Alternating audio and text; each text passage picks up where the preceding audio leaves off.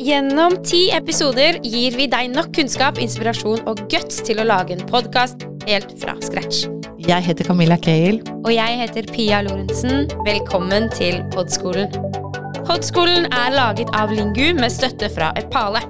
En flerspråklig europeisk plattform som er åpen for alle som jobber med voksnes læring.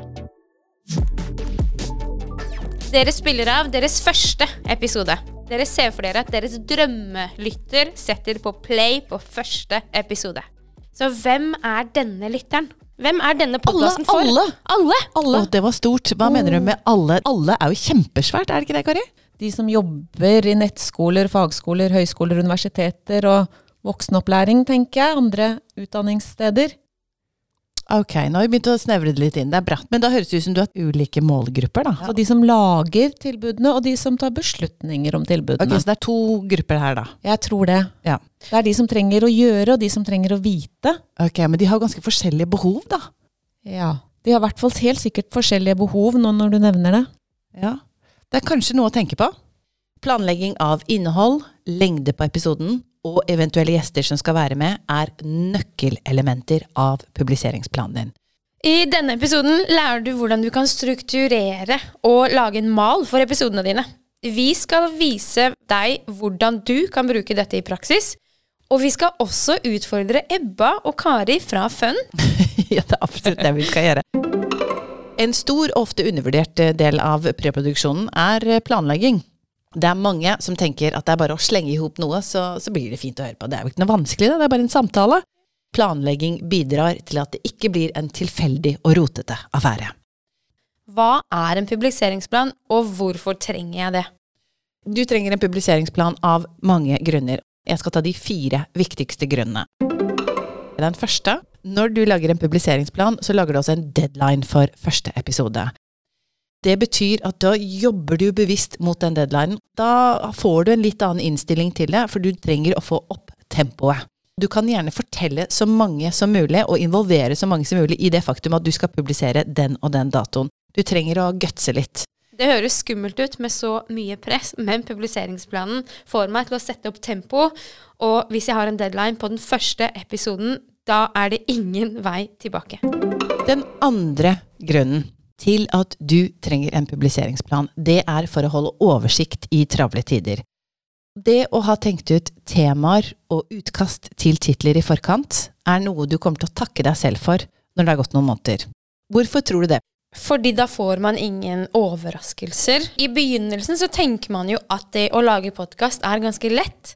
Man tenker at eh, ja, vi lager en episode, vi snakker om et par interessante ting som studentene liker å høre om. Ja, så har man masse motivasjon og Masse. driv og energi, Ja, og så Og så går man inn i studio, lager den ene episoden, og så går det et par episoder, og så mister man motivasjonen. Man vet ikke hvilket tema man skal snakke om neste gang. Hver gang man skal finne et nytt tema, så blir man helt sliten. Ja, så må du liksom snuble inn. Å gud, hva skal jeg, skal jeg, skal jeg lage episode i morgen? Ja, hva skal den handle om? Vi lager jo en språkpodkast, og da er det sånn at publisering av ulike episoder faller på ulike merkedager, som for eksempel 17. mai, eller valentinsdagen, eller jul. Og da er det veldig fint å knytte episoder opp til de merkedagene. Og det er, det er sånn som du ikke får med deg før det er Ja. litt sånn sent og i siste liten, og kanskje 'Å, nei, jeg skulle gjerne intervjuet den personen', eller pratet med den og den. Ja. Og da rekker du på å gjøre det av det faktum at du ikke har planlagt. Men hvis vi, hvis vi knytter dette her direkte til det akademiske skoleåret, da, eller det akademiske året, så er det jo sånn at eh, det å planlegge gir deg oversikt over når eksamen finner sted, eller når det er lurt å publisere med tanke på å gi studenter den ekstra boosten de trenger i forbindelse med revideringsarbeid. Det hjelper deg å holde styr på alle de viktigste datoene i løpet av eh, kalenderåret. Ja, print ut en kalender, sett den ned på gulvet, fyll inn temaer, få oversikt over merkedager, slik at du ikke får noen overraskelser på veien, og fyll dette inn i publiseringsplanen. Så er det den tredje grunnen. Det å planlegge gjør at du kan få oversikt over hvem det er du har lyst til å ha som gjest. Og da kan du samle det i bolker, for jo mer du ligger foran i tid, jo åpnere er kalenderne til de personene som du ønsker å kontakte. Og det betyr at det er mye lettere for deg da hvis du spør åtte uker i forkant, eller seks uker i forkant. Så betyr det at det er mye større sjanser for at de personene har tid, slik at du kan samle alle intervjuene dine, eksempel i løpet av én og samme dag. Ok, så hvis jeg vil eh, invitere kongen til podkasten min, så er det greit å ha en publiseringsplan. Fordi da vet jeg at hans kalender er åpen, og at jeg kan samle både kongen og andre gjester på samme dag. Istedenfor å spre det utover mange ulike dager. Veldig effektivt. Siste grunn til hvorfor det er viktig å ha en publiseringsplan.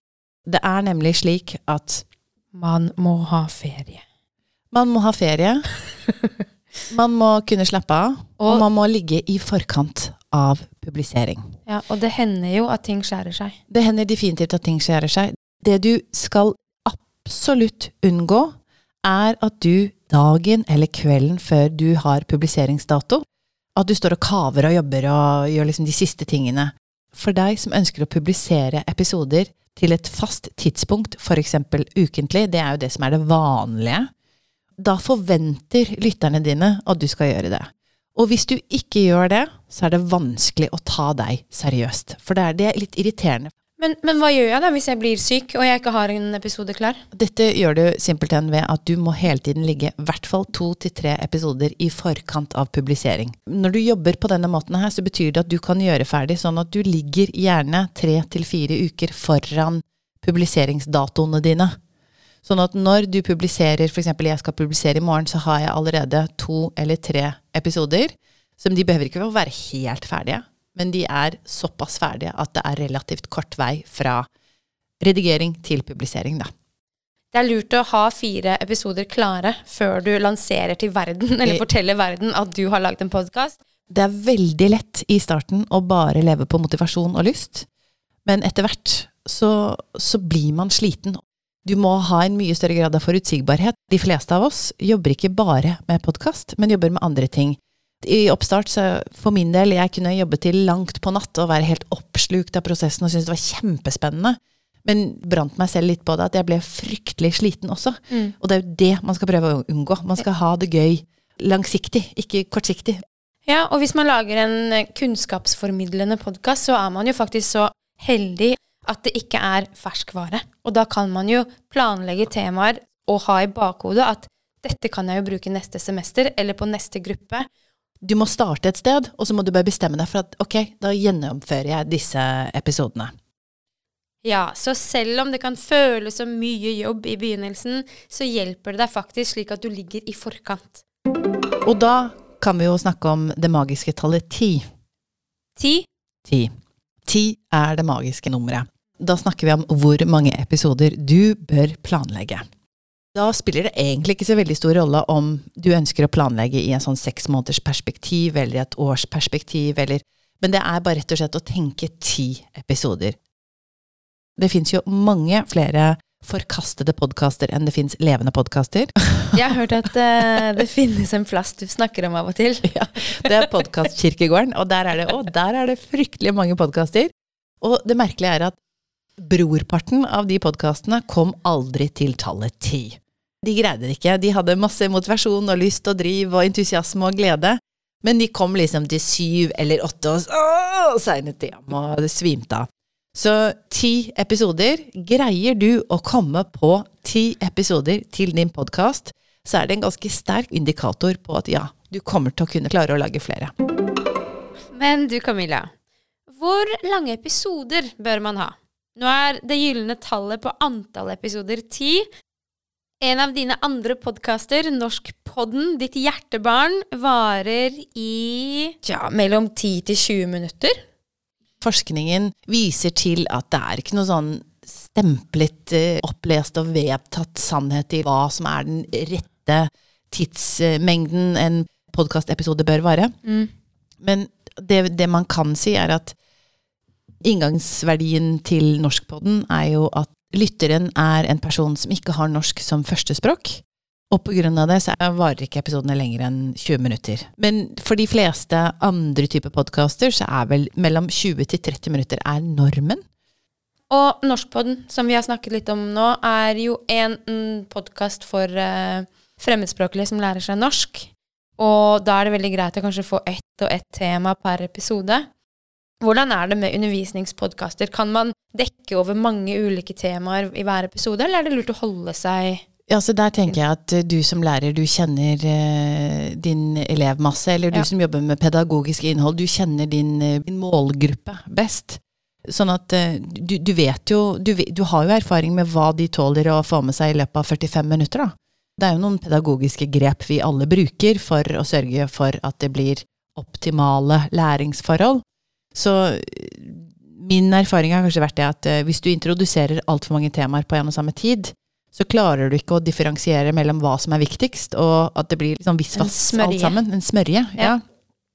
Sånn at det å ta for seg heller å lage små, korte episoder, og som har masse læringsutbytte, Ja. er mye, mye bedre enn å bare tvære det ut i det uendelige og så snakke om mange, mange forskjellige temaer. Ja, for det handler ikke om hvor mange ord man får puttet inn i disse 15-20 minuttene. Det handler om at den som lytter, faktisk ser en verdi. Nå har vi snakket litt om eh, hvorfor det er viktig å ha en publiseringsplan. Vi har også snakket om hvor lenge en episode bør være, og når du starter med din første podkastserie, så er det ingenting negativt i å starte med korte episoder, 10-15 minutter. Vær grei med deg selv. Alle lærere er jo skuespillere, og mange av oss tror også at vi er standup-komikere. Så jeg lurer på, når det gjelder innhold og bruk av f.eks.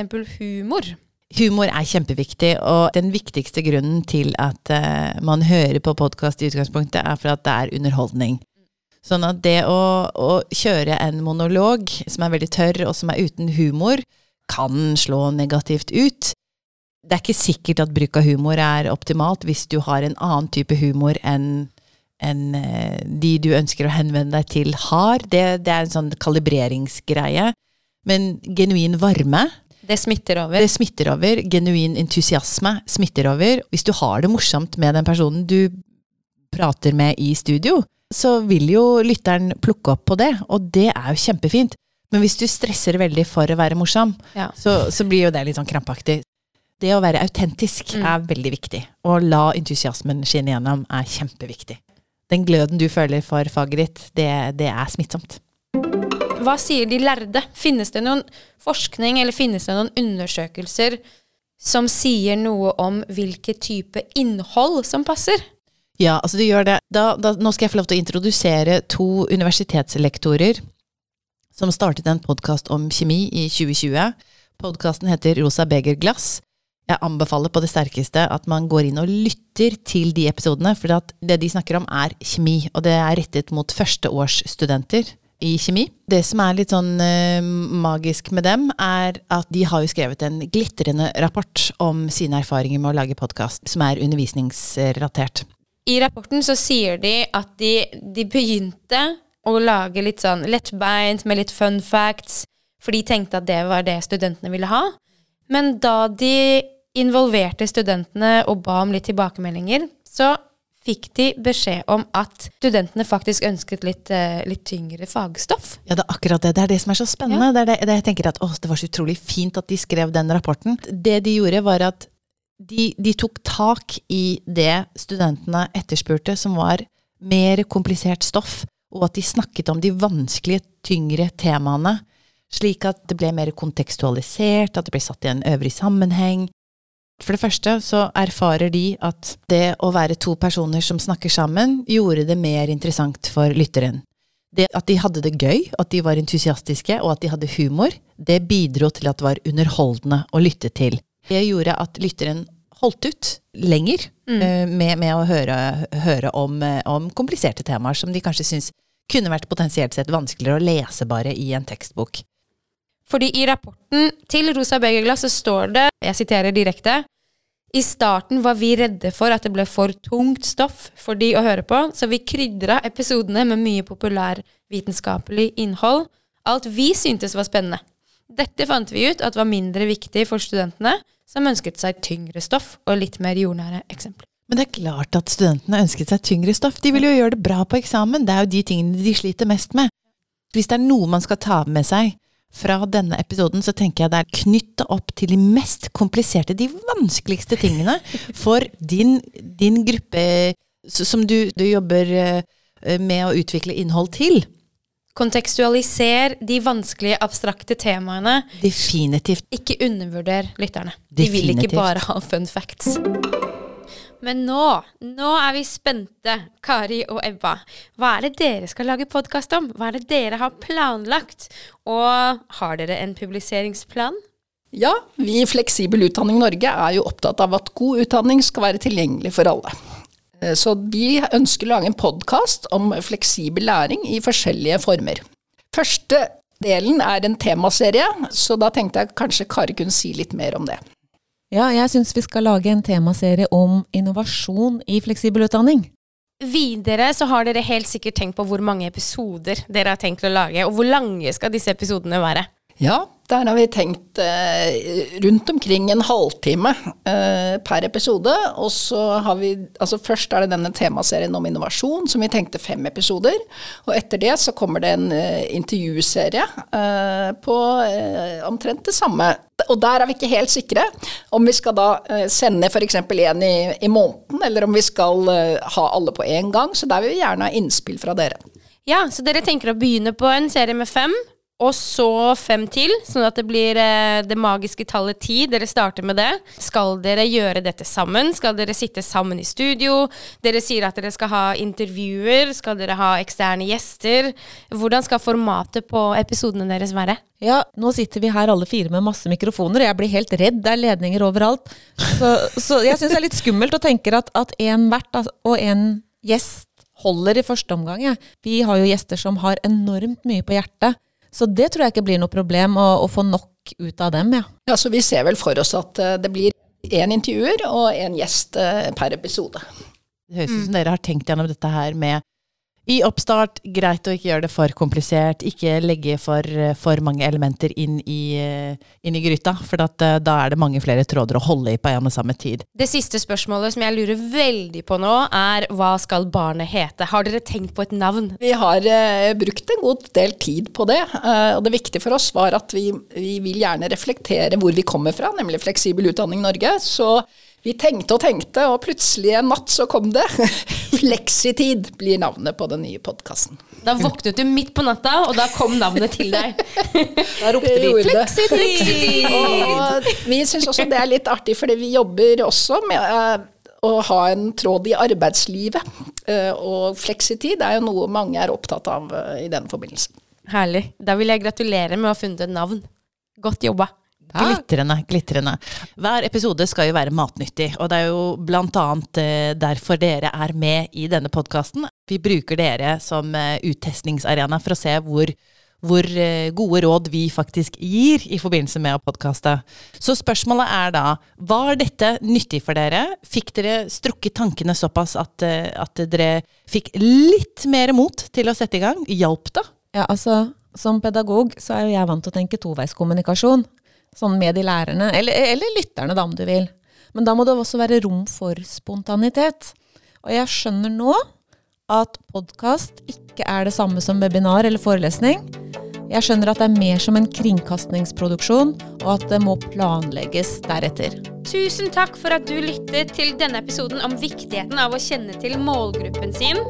Om hvor mange episoder det er lurt å planlegge for ikke å havne på podkastkirkegården med en gang om hva slags format som passer godt til en kunnskapsformidlende podkast, og ikke minst om hvordan du kan lande på navn til podden din.